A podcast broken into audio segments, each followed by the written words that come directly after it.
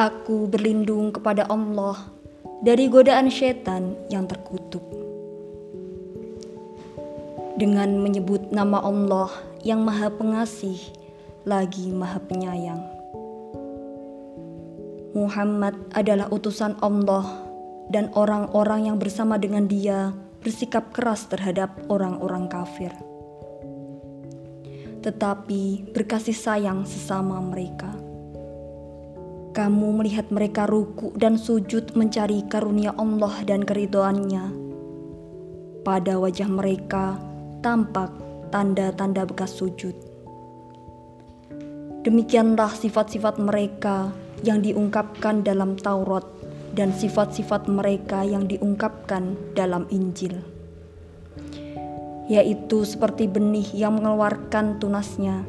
Kemudian tunas itu semakin kuat, lalu menjadi besar dan tegak lurus di atas batangnya.